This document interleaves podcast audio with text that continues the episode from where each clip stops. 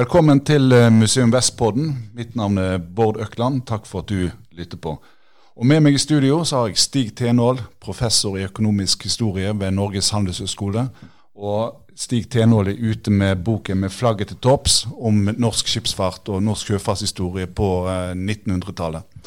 Og vi har jo egentlig snakket om på en måte dette er på en måte tredje episode. sant? Det, det, blir det. Vi hadde jo egentlig tenkt å lage to episoder. En før andre verdenskrig og en etter. Men så er det jo veldig gøy, dette, og det er veldig mye å snakke om. Så eh, ja. det blir iallfall en episode i dag, og så eh, Jeg tror ikke vi blir ferdig med del tre heller, for ja, det, å være helt ærlig. Det er godt mulig vi må ha en episode til. Og sant, Første episode, da snakket vi litt sånn om eh, ja, første halvdel av 1900-tallet. Vi snakket om hvordan Norge ble i 1900 verdens fjerde største skipsfartsnasjon. Altså, hvordan hadde de klart å bli, å bli dette? Ja. ja. Og andre episode, der var det mer fokuset på verdenskrigene sin betydning. Ja, og den endringen som krigene skaper for skipsfarten. Både muligheter og eh, tragedier. Ja. Og i denne episoden her så er, er fokuset noe som kanskje mange lyttere kjenner seg litt igjen i. Um, det er på en måte det, kan, det, det som blir kalt på en måte gullalderen. Eh, etter, i norsk sjøfart etter verdenskrigen. Ja, I dag er det opp som en løve og ned som en skinnfell. Vi snakker om, om, først om, om, gullalderen på 1950- og 60-tallet, egentlig frem til 1973. Og da blir det brått slutt. Og etter det så går det nedover, og, og norsk skipsfart går inn i den dypeste krisen de har vært i noensinne. Og når vi kommer ut et stykke på 80-tallet, så ser det ut som norsk skipsfart har egentlig utspilt sin rolle. Mm. Men noen, eh, kanskje ikke alle, men no, noen husker at NRK hadde eh, noen programmer eh, på denne tiden her. Hvor seiler vi, og vi går om bord, heter de.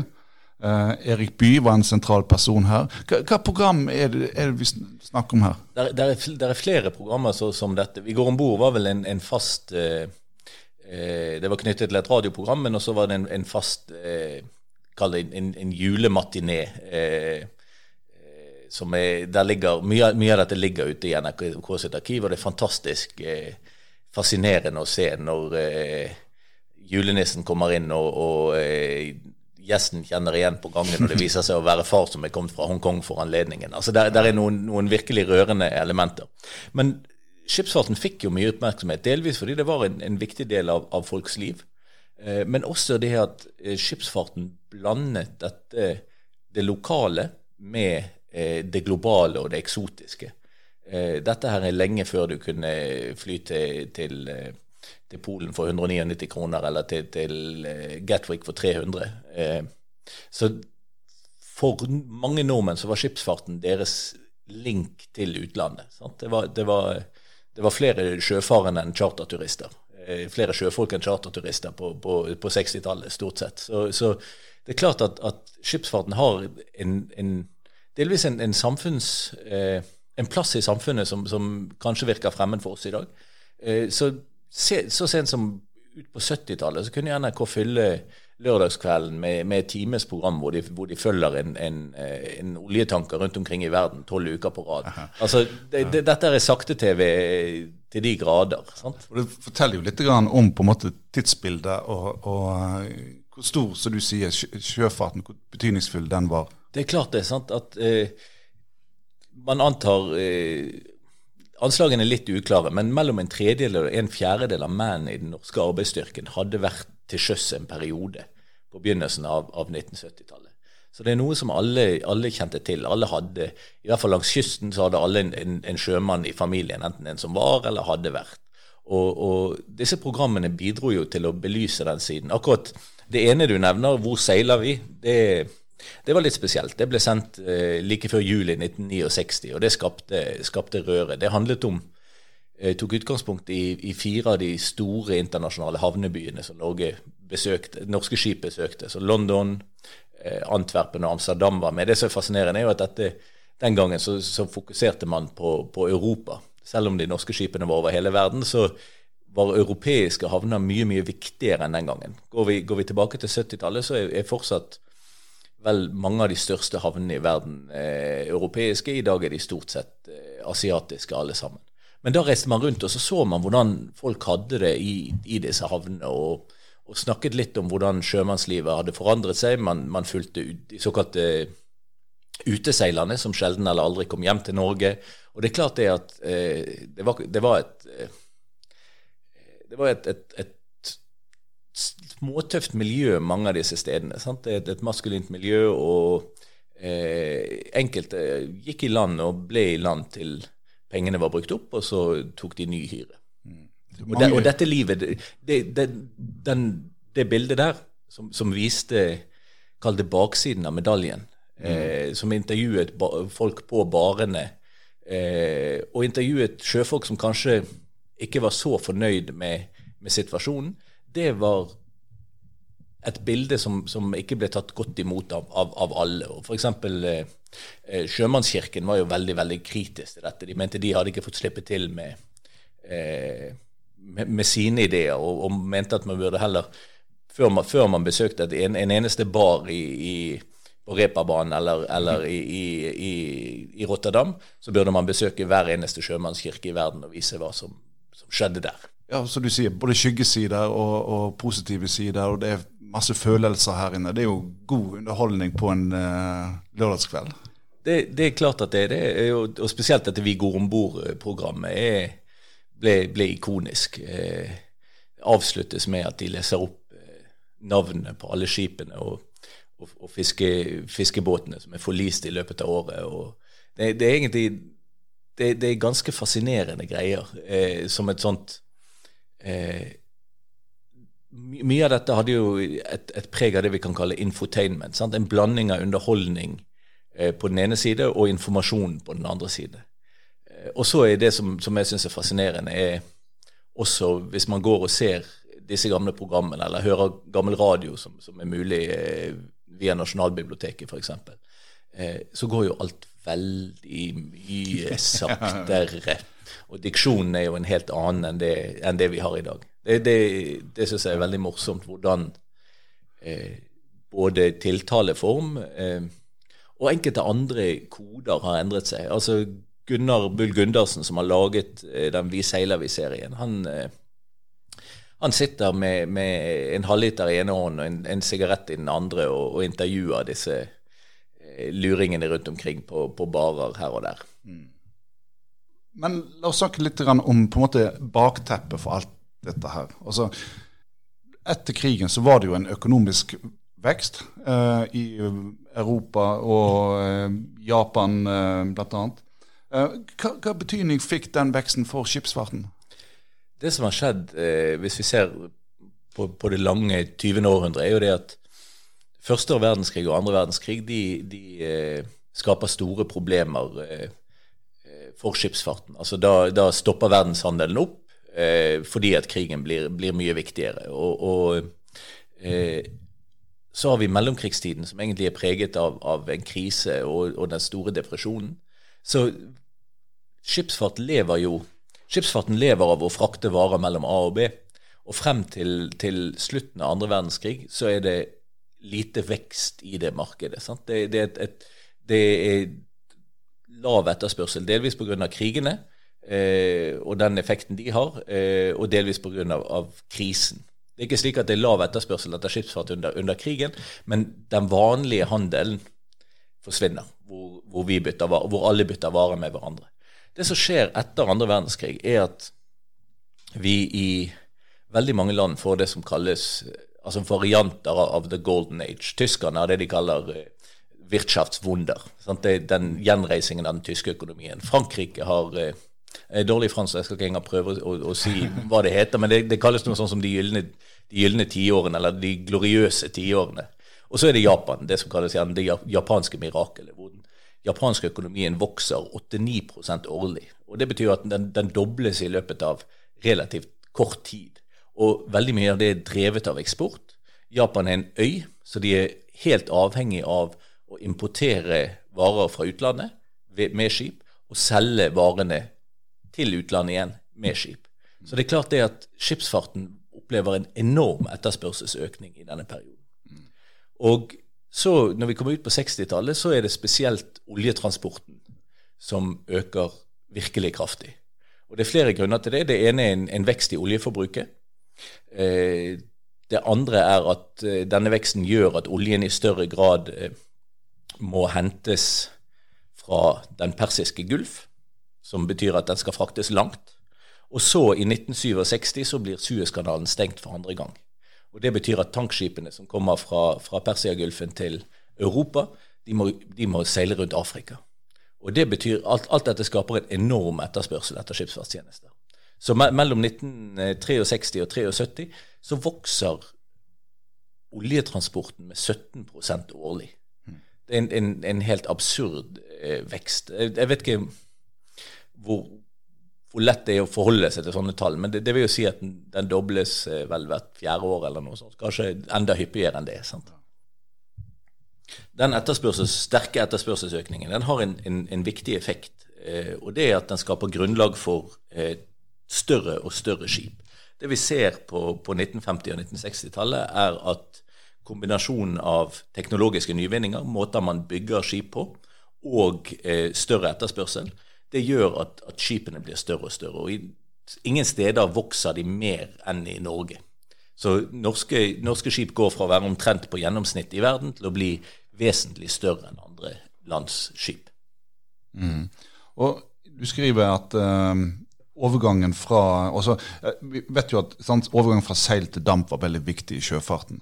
Men uh, du skriver òg i boken din at overgangen fra tre til jern var veldig viktig òg. Uh, ut fra det har noe med størrelsen på skip å gjøre, eller? Det har definitivt med størrelsen på skip å gjøre. Altså Lenge så er det begrensninger på, på, hvor store skip man kan bygge. Hvis vi ser på de største skipene i dag, så er de 400 meter lange.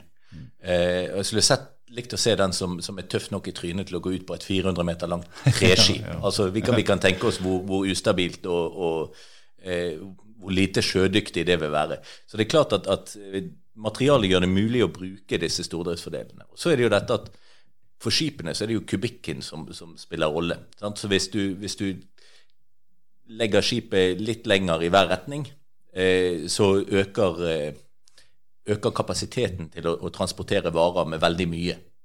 Så, så, et skip som er ti meter lenger og ti meter bredere, det, det å, å stikke ti meter dypere i vannet, det kan transportere veldig veldig mye mer eh, mm. varer. Mm. Mm. Hvor, hvor, store skip fikk vi i denne tiden her? Det, det, går jo veldig Altså, det går gradvis, men det er en, en sånn Rekordene blir slått gang på gang. På, på 1920-tallet så bygget Esso en, en, serie tankskip som var 22 000 dødvekttonn. Og de var i, egentlig frem til etter andre verdenskrig så var de blant de største på, på, i, i, verden. Og først, først i, i, 1950 så nærmer vi oss 30 000 tonns-grensen. Og så i løpet av 50-tallet så, så, tar tankskipene, som er de som vokser raskest, de tar fire gangen. Så mens det største tankskipet var 30 000 i, i 1950, så var den 120 000 tonn i, i 1960. Eh, og så bare balla det på seg. Og etter hvert så kommer vi opp allerede i 1968, og da er jo Suezkanalen stengt igjen. Så da har, har, store skip virkelig sitt rasjonale. Da snakker vi om skip som er 300 000 tonn. Ja, altså de, de, de, som, de, kan frakte ti ganger så mye som det skipene kunne gjøre bare 18 år tidligere. Og Når vi snakker om store skip og tankfart, bl.a., så kommer vi jo ikke unna uh, Hilmar Eksten. Og uh, han ble jo veldig stor innenfor kan si, stortank, på en måte. Ja da, han, han var en av verdens ledende tankredere, og den som hadde eh, mest tankkapasitet tilgjengelig, i den forstand at han, han unngikk lange kontrakter med oljeselskapene. Så han hadde alltid masse kapasitet i det som kalles spotmarkedet. Der var, var han Eh, definitivt den ledende. Men han bygget jo disse store skipene. Og han hadde jo han ble intervjuet eh, på, tidlig på 1970-tallet. Da snakker om at han, om at han ønsker å bygge skip på 800 000 tonn på Hanøytangen på, på, på Askøy, eh, hvor han har lyst til å, å, å, bygge et verft som, som, skal bygge så svære skip. Så, det. så svære skip blir aldri bygget. Men, men mm. eh, den er der, denne her eh, større og større tankegangen. Og som sagt, de, de norske skipene er, er, blir i løpet av 1960-tallet vesentlig større enn en verdensgjennomsnittet. Mm. Og det, det, har enkle økonomiske forklaringer. Eh, etter hvert så blir norske sjøfolk relativt dyre, samtidig som nordmenn har god tilgang på kapital. Og da sier økonomisk teori at da, da bruker vi mye av det vi har mye av. Sant? Så vi, vi, kjøper de dyre skipene som ikke trenger så mye arbeidskraft. For et, et skip på 300 000 tonn trenger ikke ti ganger så mange folk om bord som, som, et mm. skip på 30 000 tonn. Det trenger kanskje ikke dobbelt så mange engang. Ja, det var akkurat det jeg lurte på nå. for det, at, altså, det blir ikke nødvendigvis sånn at du trenger flere folk for å bemanne et stort skip?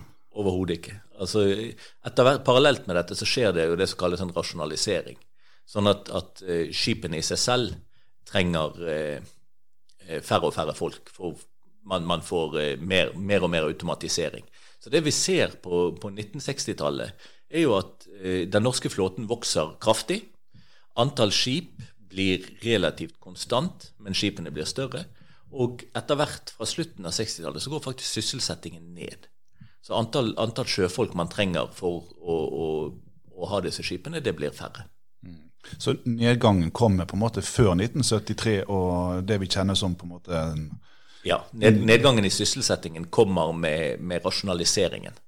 Og så er det jo etter 1973 så er det en kombinasjon av rasjonalisering på den ene side og at skipene eh, forsvinner på den andre side. Enten de blir solgt til utlendinger eller de blir flagget ut og man får utenlandske mannskaper. Mm. Så, så, det er klart at, at det er en, en tendens som, som, blir sterkere og sterkere. Men den begynner allerede før. Den begynner allerede i de gode tidene. Når, hvis jeg husker riktig, så er det i siste halvdel av 1960-tallet at antallet norske sjøfolk når en topp. Mm. Men hvor, hvor, stor er på en måte Norge som sjøfartsnasjon på den tiden her, også internasjonalt sett? Egentlig? Enorm. Altså Norge er eh, blant verdens tredje-fjerde største sjøfartsnasjoner. Det kommer litt an på hvordan man måler. Men, men det, beste, det, beste, eksempelet på dette er, hvis vi tar utgangspunkt i, i, 1968, som er det året Norges andel av verdensflåten er høyest. Mm. Det året så har, står Norge for omtrent 10% av verdens dødvektstonnasje. Og det betyr at 10% av alt som fraktes internasjonalt, blir fraktes av nordmenn eh, av norske skip. Det er jo fascinerende når du tenker hvor liten Norge er, på en måte. Ja da, vi er 0,02% av verdens befolkning eller noe sånt i denne perioden. Og, og det, det, er klart at det er, det er helt, helt, imponerende. Altså, hvis, det, hvis det fraktes eh, altså rundt omkring i verden For, for, hver, for hver, hver, hver tiende bil som starter, den starter på norsk bensin. Ja. Og hver, hver, tiende frokost som spises, det, det, er brød som er laget med korn som er fraktet av nordmenn. Altså, det er ganske, ganske imponerende andel av markedet som nordmenn har. Og noen, noen markeder er jo nordmenn enda større. Eh, så hvis vi ser f.eks. på det som etter hvert blir en bergensk spesialitet, som vi kan snakke om en senere gang, kjemikalietransport, så har jo, frakter jo eh, norske rederier 40-50 av, av alt som fraktes internasjonalt dette med, dette med, at du har den kraftige økonomiske veksten, og du har stadig større skip osv., det må jo føre til en litt sånn press på sjøfolkene òg? Altså, med lasting og lossing og For, for sjøfolkene så blir jo eh, hverdagen veldig, veldig forskjellig. På noen områder blir den bedre. Det ene er at eh, det blir vanligere etter hvert når vi kommer ut på, på 70-tallet med fast ansettelse i et rederi. Mm. At man ikke går og, og, og, søker lykken fra gang til gang. Eh, det andre som skjer, er at eh, selve forholdene for sjøfolk eh, forbedres. Før krigen så blir man enige om at, at rederiene og myndighetene og sjømannen selv skal dele på regningen og sende hjem sjøfolkene hvert tredje år, sant, etter 36 måneder. Og Dette, dette blir, blir, forbedret. Så Det blir 24 måneder, og så blir det 18 måneder tidlig på 60-tallet, og så blir det 12 måneder. og så Når vi kommer inn på 70-tallet, så har faktisk sjøfolkene gratis hjemreise eh, hver sjette måned. Eh, staten og rederiene deler den regningen. Mm. Og det er klart det at det å komme hjem eh, annethvert år, eller det å komme hjem eh, to ganger i året, det, det, er to forskjellige verdener for sjøfolkene. Så Sånn sett er jo det veldig positivt. Men samtidig så betyr det jo at norske sjøfolk blir relativt dyre. For filippinerne eller andre land, sjøfolk fra andre lavkostland de seiler, eh, seiler lenge.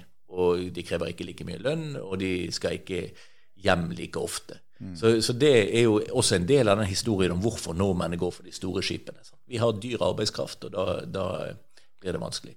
Men det rent praktiske for sjøfolkene, dagen deres, blir også veldig forandret. Eh, det er færre om bord eh, på skip som er større. Men den virkelige forandringen er jo det at i gamle dager, hvis vi, hvis vi kan kalle det det. sant? Eh, på 50-tallet eller eh, på begynnelsen av 50-tallet eller i, mellomkrigstiden eller på, på 1800-tallet, så gikk jo skipene gjerne inn til, til havnebyene. Og der lå de eh, og Det kunne gjerne ta eh, tre, fire, fem, seks uker og først eh, losse og så laste skipene igjen. Mm. Eh, og da, da, gikk jo sjøfolkene der. Ja, og Da, da vil jo sjøfolkene få tid til på en måte å si, oppdage verden og utforske havnene og bli kjent i havnene på en måte, på en helt annen måte. De, de blir kjent i byene, de blir kjent i havnene, de blir kjent med de lokale pikene. Er, er, de, de, blir en, en, del av livet. Det som skjer etter, eh, etter hvert som skipene blir større, er jo det at de går ikke inn til byene lenger. Så f.eks. mens man tidligere har, hadde et fantastisk i Rotterdam, et fantastisk havnekvarter med, med hvor Kafé Norge lå ved siden av Kafé Bergen og Kafé Tønsberg. Altså de, de lå én etter én. Kafé Håpløs. Én eh, etter én lå de der og, og, hadde besøk, disse kneipene hadde besøk av, av nordmennene. Så, så, stoppet det norske skip nå på, på Europort, eh, som var en sånn spesialterminal eh, som lå eh, såpass langt fra byen at Sjømannskirken hadde faktisk laget sitt eget lille kapell der ute. Du, du, kom ikke til byen, der var helt andre sikkerhets... Eh, foranstaltninger. og Det var vanskeligere å komme seg av skipet og på skipet igjen. Og ikke minst, skipet lå der ikke i, i en måned, det lå der i, i, kanskje to dager, tre dager. Så, så livet for sjøfolkene ble, ble veldig annerledes. Mye av, mye av, den opplevelsen som man kunne få tidligere, den forsvant. Og eh, samtidig som kahyttforholder og sånn blir bedre, så betyr det at eh, ensomheten øker nok kanskje Lugarene du får, er, er finere, men, men eh, du sitter mer alene. No, noe som kanskje kunne hjelpe litt på det, var vel kanskje velferd. At, eh, altså at du fikk utbygging av på en måte Velferds-Norge. Eh, og Du har vært inne på det. Sant, med Du får bedre hjemreiseordninger fra, fra skip og sånn. Men, men det, fantes det ordninger for sjøfolkene, at de kunne få, få velferd? Det var det. De fikk Altså man, eh, Gunnar Bull Gundersen, som laget eh, dette Hvor seiler vi-programmet, han hadde selv bakgrunn i velferdstjenesten. Og hadde bl.a. vært med å, å, å, drive kampanje for å sette opp eh, aldersgrensen for førstereisgutter fra 15 til, til 16 år. Mm. så kan vi legge til i en bisetning at jenter vel måtte være 20 for å få lov å seile til sjøs. Ja. Men, eh, men, nei, velferd det, det, er klart der kom, der kom bøker, der kom filmer.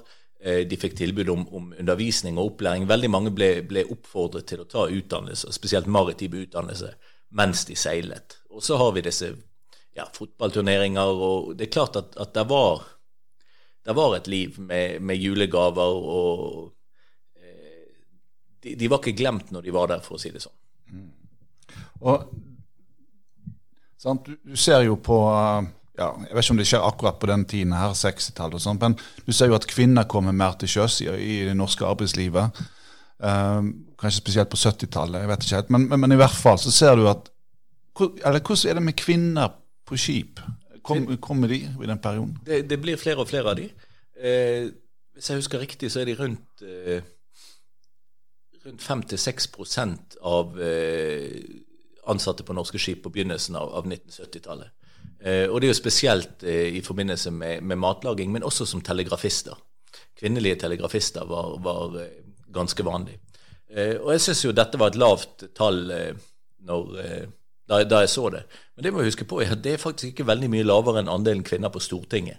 Altså vi, vi tenker på, på, på 1970-tallet på en sånn som, som eh, kvinnefrigjøringens tiår osv. Ja. Men de, de, startet på et veldig lavt tidspunkt. Mm. Eh, startpunkt. Ja, ja.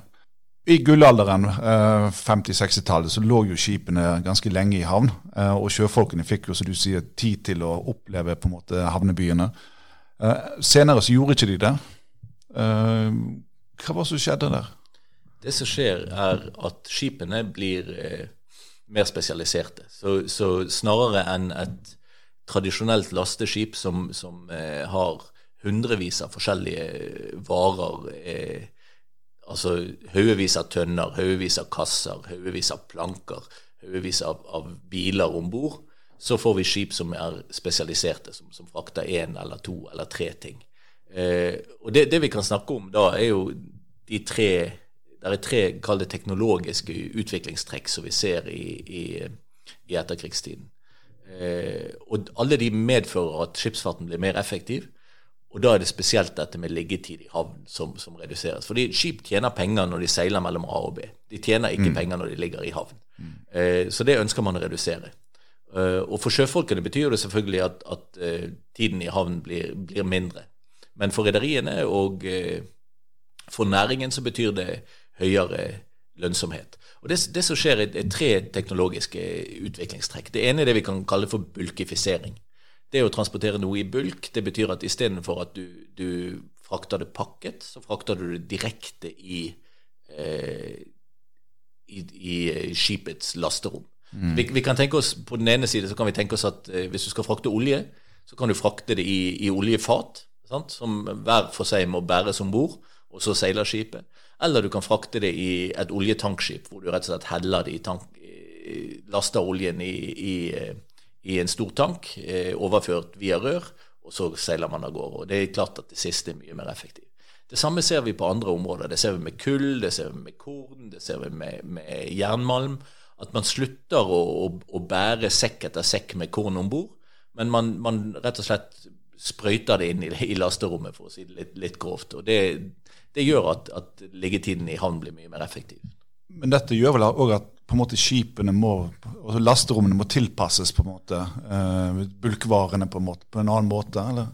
ja, dette er, en, dette er, en, helt ny type skip, som har store lasterom, ikke, ikke mange dekk som man hadde tidligere, gjerne. og, og eh, Skipene blir selvfølgelig større, og det gjør det også vanskelig at de, de skal gå til havnene. Så bulk, Bulkifiseringen er, er liksom den ene teknologiske nyvinningen. Mm. Den andre teknologiske nyvinningen, som eh, gjelder andre varer, bulkifiseringen, den gjelder typisk ja, store eh, varer som handles i stort volum. Som olje, eh, oljeprodukter, eh, ja, eh, kurn, kull, korn osv. Mm. Eh, vi, får, vi får også spesialisering med at vi får skip som er spesiallaget for enkelte typer varer.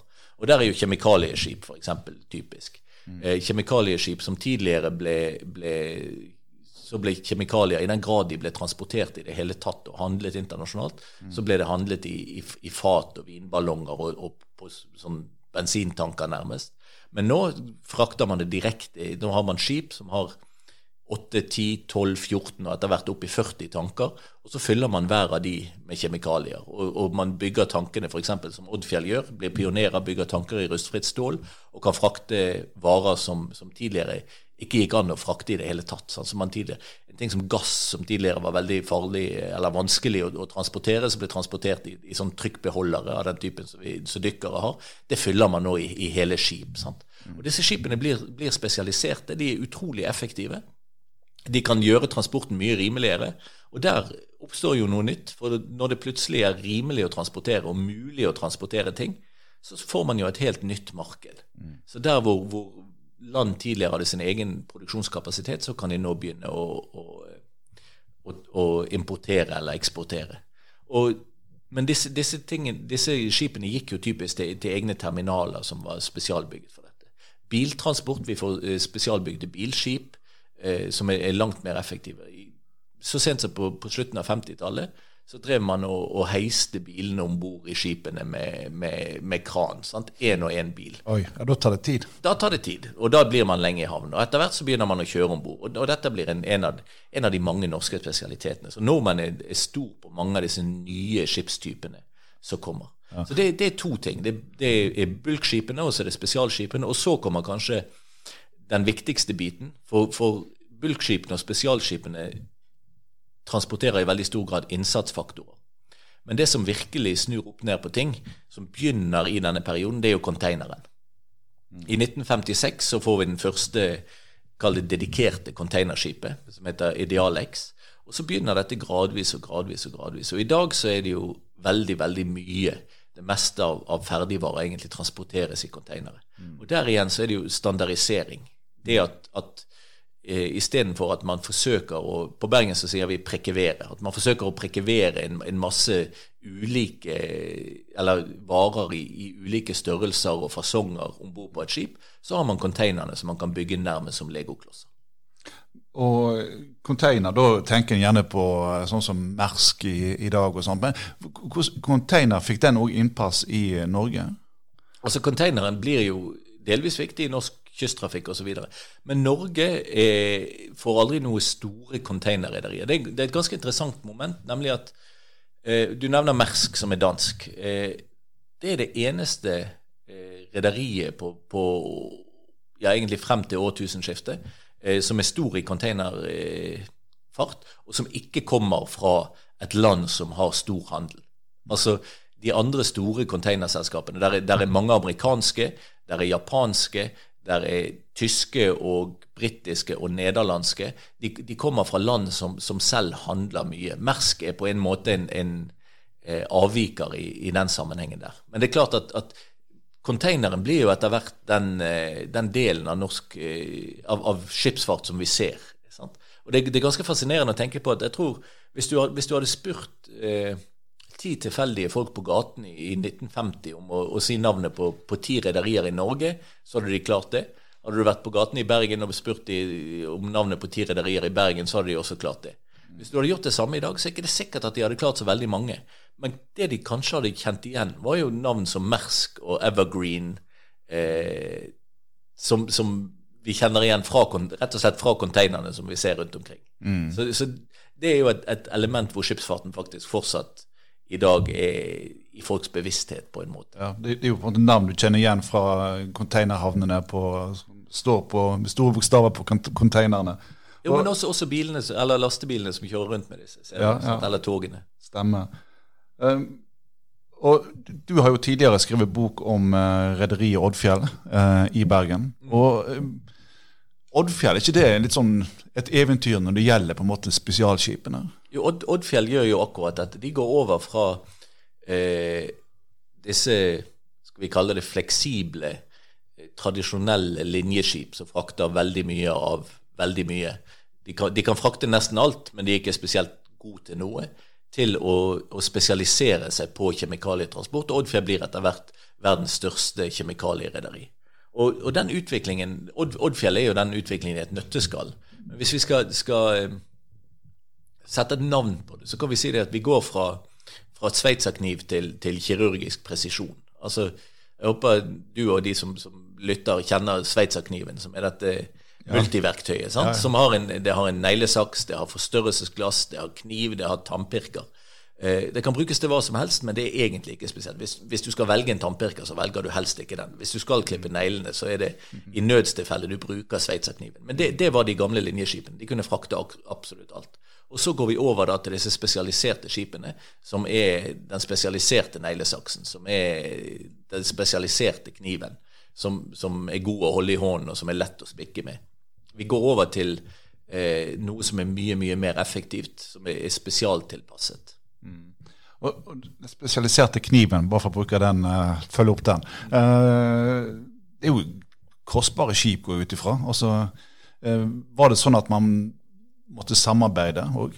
De, de, skipene er, er, er, kjempedyre. og For mange norske rederier så blir samarbeid en, en, en, viktig del. Det ser vi også, også fordi at disse markedene er litt annerledes. så det er veldig mange tankskip og veldig mye konkurranse i, i tankmarkedet. Og på 70-tallet så er det sånn at det å ha har du, har du, to tankskip, så har ikke du noe spesiell fordel i, i, forhold til en som har ett. Og har du ti tankskip, så har ikke du så veldig mye fordel i forhold til en som har ett. Fordi at det er, er ikke det vi kan si stordriftsfordeler på flåtenivå. Men det er det når det gjelder spesialskipene. En som har to kjemikalieskip, har en fordel fremfor en har ett. En som har ti, har en veldig mye større fordel. Og en som har 20, kan tilby en, en, en jorden rundt-tjeneste. Og, og, da satser man gjerne på en kombinasjon av langsiktige kontrakter og korte kontrakter. Og det, det er jo dette samarbeidet, hvis, hvis, vi tar utgangspunkt i Oddfjell, så er det et fascinerende samarbeid. For de samarbeider med, med Bergensrederiet Vestfold Larsen om de aller, aller største skipene. Og der er fra 60, slutten av 60-tallet av så, så de gjør de dette helt i fellesskap. De er jevnstore. De, de investerer like mye begge to. De, de, bestiller tolv skip, da er det seks til hver av de. Sånn at Oddfjell på den måten får, får, den drahjelpen de trenger til å bli stor nok av Vestfold Larsen. Samtidig så har de mindre skip, som gjerne såkalte feederskip. Altså vi kan tenke oss eh, de store kjemikalietankene som, som som kommer inn til byen. Og så har vi disse feederskipene, som er de små båtene som tar cruiseturisten fra, fra, fra Reden og inn til, til, til havnen. Eh, og de feederskipene de kjøper, kjøper Oddfjell også, delvis alene, men også sammen med en, en del mindre rederier. Og veldig ofte rederier som etter hvert har gitt opp. Fordi at dette gitt opp det å drive egne skip. For dette kappløpet med større og større skip, det gjorde det at hvis du satt med ett eller to utrangerte skip, så hadde ikke du nødvendigvis den kapitalen du trengte for å kjøpe et nytt, stort skip. Og da kunne det å kjøpe en, en relativt liten kjemikalietanker være en mulighet. Eller det å, å samarbeide med, med, et annet rederi og eie 50 hver eh, kan være en mulighet. Sånn at det ble en, en slags billett inn i, i, i dette lotteriet til, for, for, veldig mange mindre rederier også. Og det er jo mange mindre rederier som forsvinner på 1950- og 60-tallet. Du, du, sier at uh, en del rederier forsvinner, og noen rederier får jo på en måte en, en, nesten som drahjelp, og så de blir invitert inn i uh, nisjer. Og hva, men hva er på en måte de viktige, store rederiene i Norge um, i de tiårene der etter krigen? Det er jo ulike måter å, å, vurdere det på. Hvis vi ser på den rene tonnasjen, så er det jo eh, redere som, som, Anders Jahre, Sigvald Bergesen, eh, Hilmar Eksten ikke minst, som, som vokser veldig kraftig med, med, med, stor tonnasje, store skip, store tankskip først og fremst, eh, som er viktige. Og så har vi andre rederier som er, er, mer tradisjonelle, eh, som, som, Wilhelmsen, som, som, fortsetter å være et av de største rederiene i Norge, som, som i teknologisk og delvis mot containerskip, men eh, også såkalte ro-ro-skip, roll-on, roll-off. Mm. Så, men så har vi alle disse nye Bare for å forklare, hva, hva, vil det si? Det vil si at istedenfor at du, du heiser konteineren om bord med kran, så har du den på, eh, på hjul. Mm.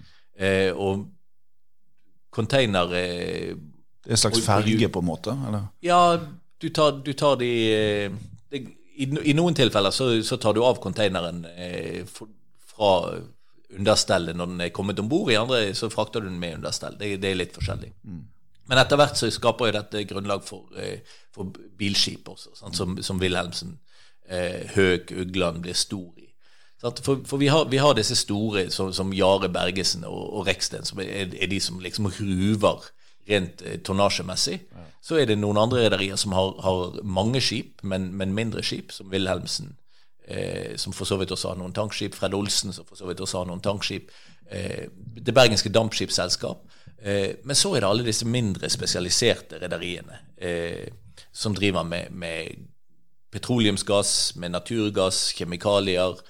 Cruise eh, kommer frem som en, en stor norsk næring eh, på slutten av 60-, begynnelsen av 70-tallet, hvor, hvor, norske rederier er, er pionerer.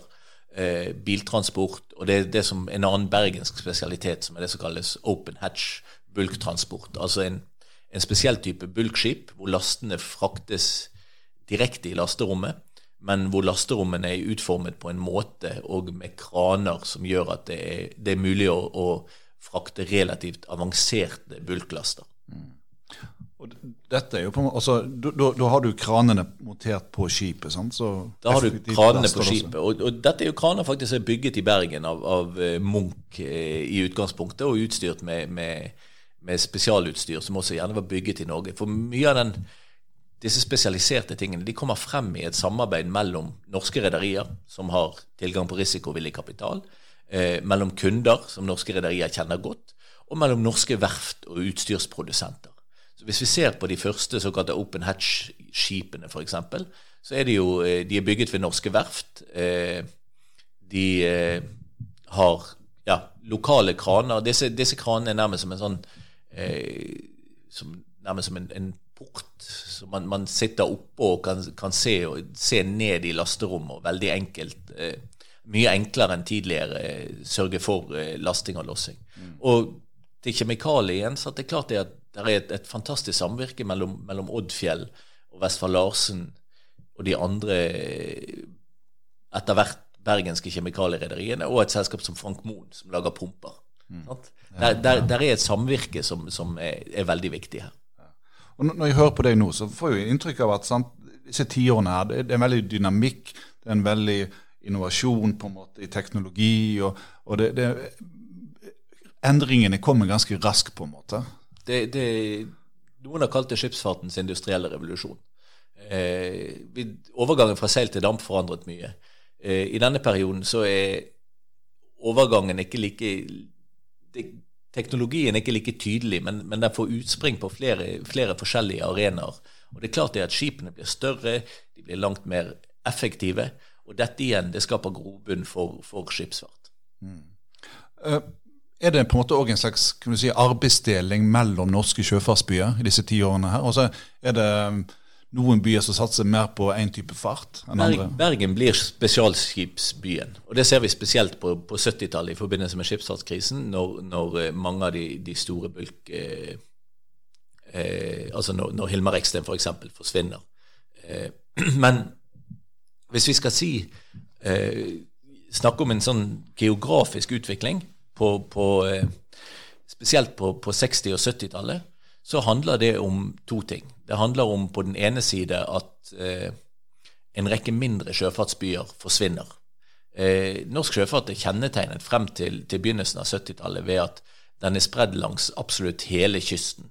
Der, der er, er små småsteder som, som Lillesand og, og, og eh, som, som, har betydelige rederier. Egentlig langs hele norskekysten 30-talls steder så finnes det norske rederier med skip i utenriksfart. Og Der blir det gradvis en, konsentrasjon, at enkelte byer forsvinner. Arendal, Lillesand. Etter hvert så, så er det flere av disse som, som mister Farsund, som mister de toneangivende rederiene, og, og, aktiviteten reduseres. Så det blir mer, mer eh, aktivitet i Bergen og Oslo. Og så har vi det at Bergen og Oslo utvikler seg litt forskjellig. Spesielt på 70- og 80-tallet, hvor, hvor, bergenserne virkelig blir spesialiseringens konger, men hvor Oslo-rederiene i større grad går mot en slags finansiell eh, type skipsfart, som handler mer om eh, spekulasjon, skipsverdier eh, som går opp og ned, og, og, og time kjøp og salg av skip riktig. Vi sier gjerne at de har en finansiell tilnærming i Oslo, eh, som handler om å tjene penger på skip, mens vi har en industriell tilnærming i Bergen som handler om å drive skipsfart på en måte som skaper lønnsomhet over tid, med langsiktige kunderelasjoner. Mm. Og eh, så skjer det jo noe. Oppunder jul eh, 1973 så tar jo kong Olav eh, trikken, som vi vet, for å komme seg på skitur. Og eh, det er en tid med bensinrasjonering, det er oljekrise, det er lav oljeproduksjon og høy oljepris. Vi får en skipsfartskrise. Hvorfor gjør vi det? Økonomer er ganske, ganske de, har, de har, en verktøykasse som er veldig enkel, men veldig effektiv. Den handler om tilbud og etterspørsel. Eh, og det som skjer rundt 1973, fra oktober 73 til januar 74, det er at prisen på olje blir firedoblet. Så mens olje har blitt billigere og billigere på 50- og 60-tallet, og lå på rundt 3 dollar fatet, så koster det plutselig 12 dollar fatet. Og det at eh, prisen øker så voldsomt, det at verdens eh, viktigste innsatsvare kanskje eh, firedobles i pris, det betyr at etterspørselen går kraftig ned. Så etterspørselen etter olje går ned. Det fører til at etterspørselen etter tanktransport går ned. Og når etterspørselen etter tanktransport går ned, så går det ut over tankrederiene. Men det går ikke ut over alle like hardt. For noen de har avtalt at de skal De har gjerne lange kontrakter med oljeselskapene, så de har sikret seg at de får inntekter de nærmeste fire, fem, seks, åtte eller tolv årene. Eh, andre, som Hilmar Eksten, de eh, gikk fra dag til dag og, og fikset nye, eh, nye oppdrag for skipene sine, og det, det er det markedet som tørker inn. Så etterspørselen, spesielt etter tanktransport og Husk at den hadde vokst 17% årlig. Sant? Den, den doble, ble doblet omtrent hvert fjerde år. Eh, så det, var forventninger om at den veksten skulle fortsette. Mm. Det var en veldig optimisme? på en måte. Det var en veldig optimisme, og den optimismen den kom til uttrykk i at mange hadde bestilt nye skip. Mm. Så det som skjer, er at etterspørselen først så stagnerer den, og så begynner den å falle. Mm. Eh, og så på slutten av, av 70-tallet så øker oljeprisen for andre gang, og plutselig koster den 35 dollar fatet. Ti ganger så mye som, som bare, bare fem-seks år tidligere. Og da er jo da er virkelig nivået. Men det, det, som skjer, er at i 73, når markedet kollapser, så har en rekke rederier skip i bestilling. Og disse skipene blir jo levert til et marked hvor det, det ikke er behov for dem i det hele tatt. Mm. Så etterspørselen synker, og tilbudet vokser. Og det som skjer da, er jo at prisene går til bunnen, og det er mye kapasitet tilgjengelig. Så I norske fjorder så ligger det jo opplagte skip eh, en masse. Mm. Men Er det først og fremst tankskipene som ligger oppe der? Det er først og fremst tankskipene, men, men litt eh, faktisk fra, fra, leiligheten vår i Nyhavn. Hvis jeg hadde sett, sett ut derfra i, i, 1973, hvis den leiligheten hadde eksistert da, så hadde jeg sett det gamle eh, eh skipet Leda, det bergenske dampskipsselskapet. Og det, det var lagt opp av en annen grunn. Det var, det var stort sett tankskip som var lagt opp. Men leder var lagt opp fordi at det rett og slett det brukte for mye olje. Det brente, det brente for mye olje. Eh, det var for lite effektivt. Og med, du kan godt drive et, et du, du, kan godt kjøpe, kjøre, kjøre, et dollarglis og sluke bensin hvis, hvis, bensinen koster tre kroner literen. Men hvis den koster tolv, så er ikke det like gøy. Og dette er jo det tilsvarende. Mm. Um, jeg har et barndomsminne. Jeg var ute på, med en liten båt. På, på, uh, vi kjørte til Halsnøy i Sunnhordland. Og jeg husker det var fascinerende å se disse enorme skipene. Det, var, det må være Hilmar Reksten sine, tenker jeg, som, som lå i opplag der. Men, men, på en måte altså, Det begynner krisen, skipsfartskrisen begynner på en måte innenfor si, tankmarkedet og tankfarten. Ja. Men sprer han seg til andre områder av skipsfarten òg? Ja, det begynner, det begynner der, eh, i tankmarkedet. Men etter hvert så sprer den seg av, av, flere grunner. Det ene er de såkalte kombinertskipene, som kan ta både våte bulklaster som olje og tørre bulklaster som, som korn og kull. Når eh, det ikke lenger er olje å frakte for de, så flytter alle de over til, til, eh, til tørrbulkmarkedet. Og det er klart at fordi at det var så stor etterspørsel etter oljetransport før 73, så gikk de fleste av disse kombinertskipene i oljemarkedet. Nå, nå migrerer de, forsvinner de over til, til tørrbulkmarkedet, og så skaper de overkapasitet der også. Mm. I neste omgang, eh, på lengre sikt, så er det to andre ting som, som, eh, som eh, påvirker det hele. Det ene er at eh, vi får jo en generell økonomisk nedgangstid the golden age er over, så, så, veksten blir vesentlig lavere enn før. Det er negativt for skipsfarten. Men når verftene ikke lenger kan bygge tankskip, så begynner de å bygge andre typer skip. Og Det betyr at tilbudet også vokser i andre deler av skipsfartsmarkedet, og så får vi overkapasitet der også. Og Verftene er villige til å gå veldig veldig langt for for å sikre det at de, de har noe å gjøre. I Sverige så går myndighetene så langt som at de sier at de betaler 80% av, av prisen eh, hvis, hvis, man ønsker å bygge skip der. Det, det, eller 80% av kostnaden, er vel rettere å si, eh, står, eh, subsidieres av svenske myndigheter. Rett og slett fordi at de ønsker å opprettholde aktiviteten i skipsbyggingsindustrien. Så i, i prinsippet kan du si at du kan kjøpe skip med 80% rabatt. Men det viser seg jo at overkapasiteten er så stor at selv 80% rabatt er ikke noen god deal. Der, der fins allerede mye mye mer eh, skip tilgjengelig enn det det er behov for. Men så er det selvfølgelig enkelte markeder, som disse spesialmarkedene som, som Berg, flere av bergensrederiene har spesialisert seg i, som gjør det relativt bra. For her er det ikke den samme overkapasiteten som i de andre, og det er ikke, det er ikke like lett å bygge disse skipene. Et kjemikalieskip, både å bygge det og å drive det, er relativt avanserte greier som ikke alle kan gjøre.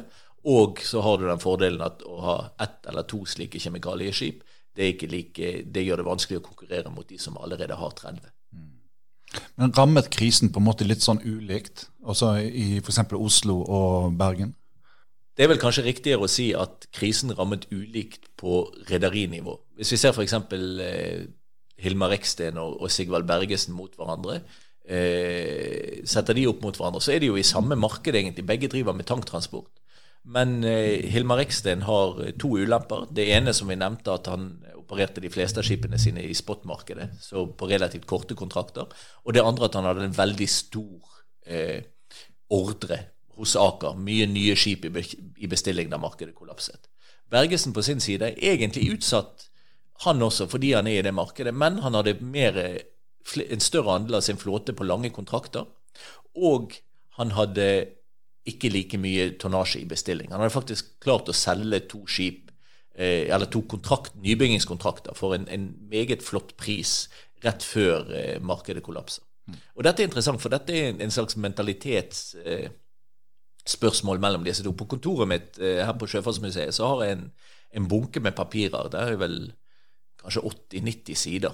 Og Det er et brev som eh, Hilmar Eksten skrev og sendte til, til, eh, til Sigvald Bergesen en påske, jeg tror det er tidlig på 70-tallet.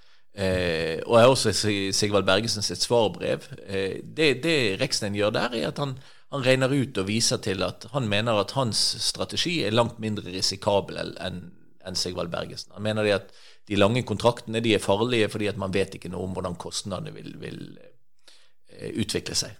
Og svaret fra Bergesen er noe sånt som 'Tusen takk for din, din meget overraskende og underlige påskegave'. Jeg skjønner ikke poenget med den annet enn å vise at du er mye flinkere enn meg. Men, men der, der, har vi to, to, eh, et eksempel på, på to rederier som får en ulik skjebne pga. Av, av ulike strategier. Men det er klart at det er veldig veldig mange andre rederier som også ryker til. Og Veldig ofte så handler det om å ikke ha dype nok lommer, ikke ha finansielle ressurser når markedet kollapser. I Bergen, så et, et annet av Bergens største rederier, Vigan.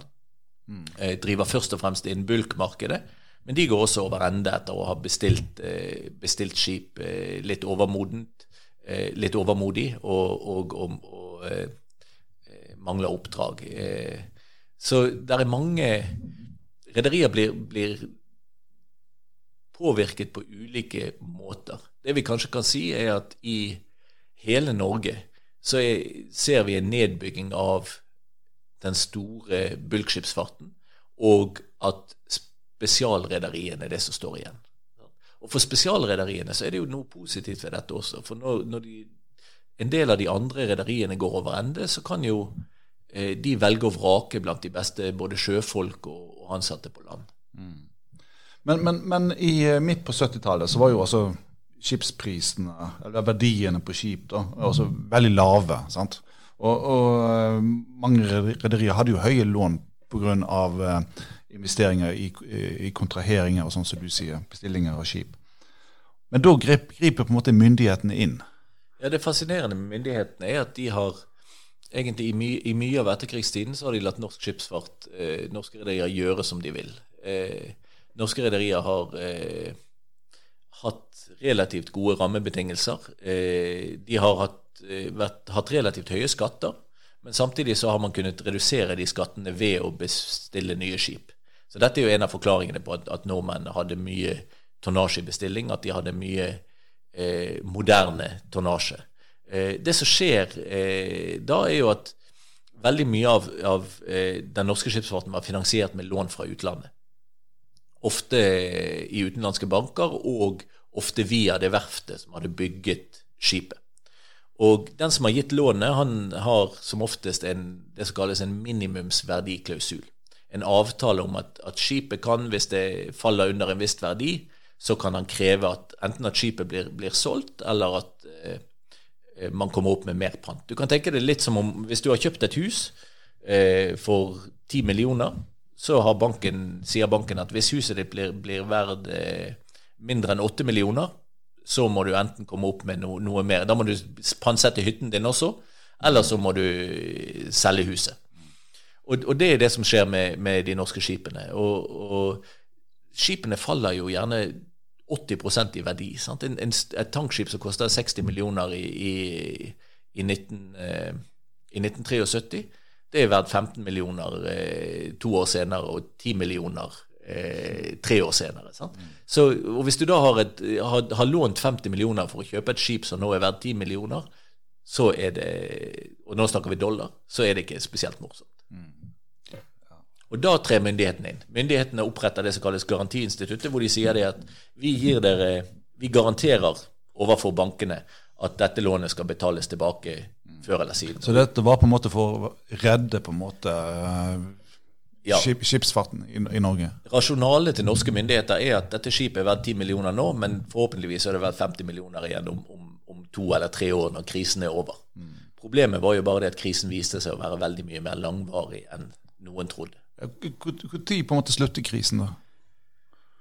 Der er et lite blaff, en liten forbedring eh, på slutten av, av 70-tallet. 79-80. Eh, men den viser seg å være midlertidig. Eh, og rederier, noen rederier reagerer med å bestille nye skip da også, og så blir det enda verre på 80-tallet. Så krisen er egentlig på sitt aller, aller verste, nærmere for tankmarkedets del, ti år etter at den begynte. Så i 19, rundt 1984.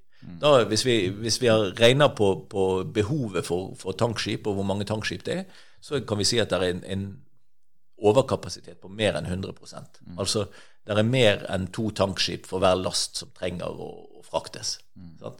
Men mye av dette blir eh, Mye av det av tonnasjen er lagt opp.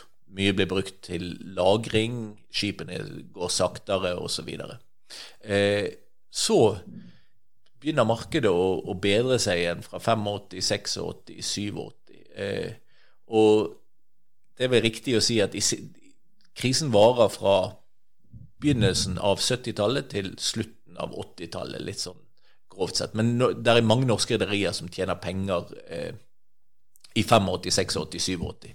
Da, da begynner det å, å, bedre seg. Og det vi ser da, er jo en voldsom økning i, i skipsverdiene. Så, så, hvis du kan plukke opp et skip billig i, i 86 og selge det dyrt i 87, så har du gjort en, en god deal. Men hva, hva, skal til for et rederi for å overleve på en måte i, i, i skipsfartskrisen? Det, det som kjennetegner de som overlever, er at for det første de har en strategi som gjør at de er ikke i de mest utsatte markedene. Noen, eh, noen overlever Altså noen av tankrederiene overlever eh, også. Men eh, det, de som blomstrer, for å si det sånn, det er jo gjerne de spesialiserte rederiene. Så er det rederier som har flere ben å stå på. Så noen rederier går gjennom en slags en strategisk endring. Et rederi som Smevik, f.eks., som, som går inn i som er, som er et av Norges største tankrederier, de endrer gradvis strategi. De har en, en fot innen oljeproduksjon med oljeplattformer på, på, i, i, begynnelsen av denne perioden. Og de blir et rendyrket oljeselskap, eller oljeplattformselskap etter hvert. Eh, andre rederier klarer seg ved å ha et godt forhold til bankene. Altså, spesielt på 80-tallet så er det jo ingen som tjener penger. Eh, og da er det viktig at du har en bankforbindelse som, som skjønner at dette her er, er midlertidig, og som, som, hjelper deg over kneiken. Mm. Vi skal begynne å runde av nå. og Vi har jo på en måte snakket sant, om eh, måte den voldsomme oppgangen det var i skipsfarten sant, etter krigen. Og nå er det jo ganske mørkt der vi befinner oss nå, altså inne i en skipsfartskrise.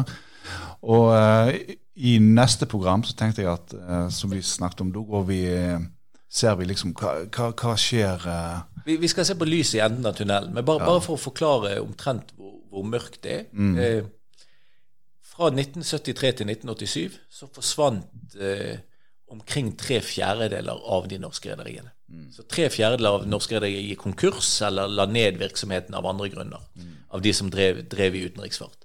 Og størrelsen på den norske flåten vi snakket i, i sted om 68, så var 67-68, så var da, da nordmenn eh, eh fraktet 10 av, av, verdens verdenshandel, da 10% av verdensflåten hadde norsk flagg. Mm.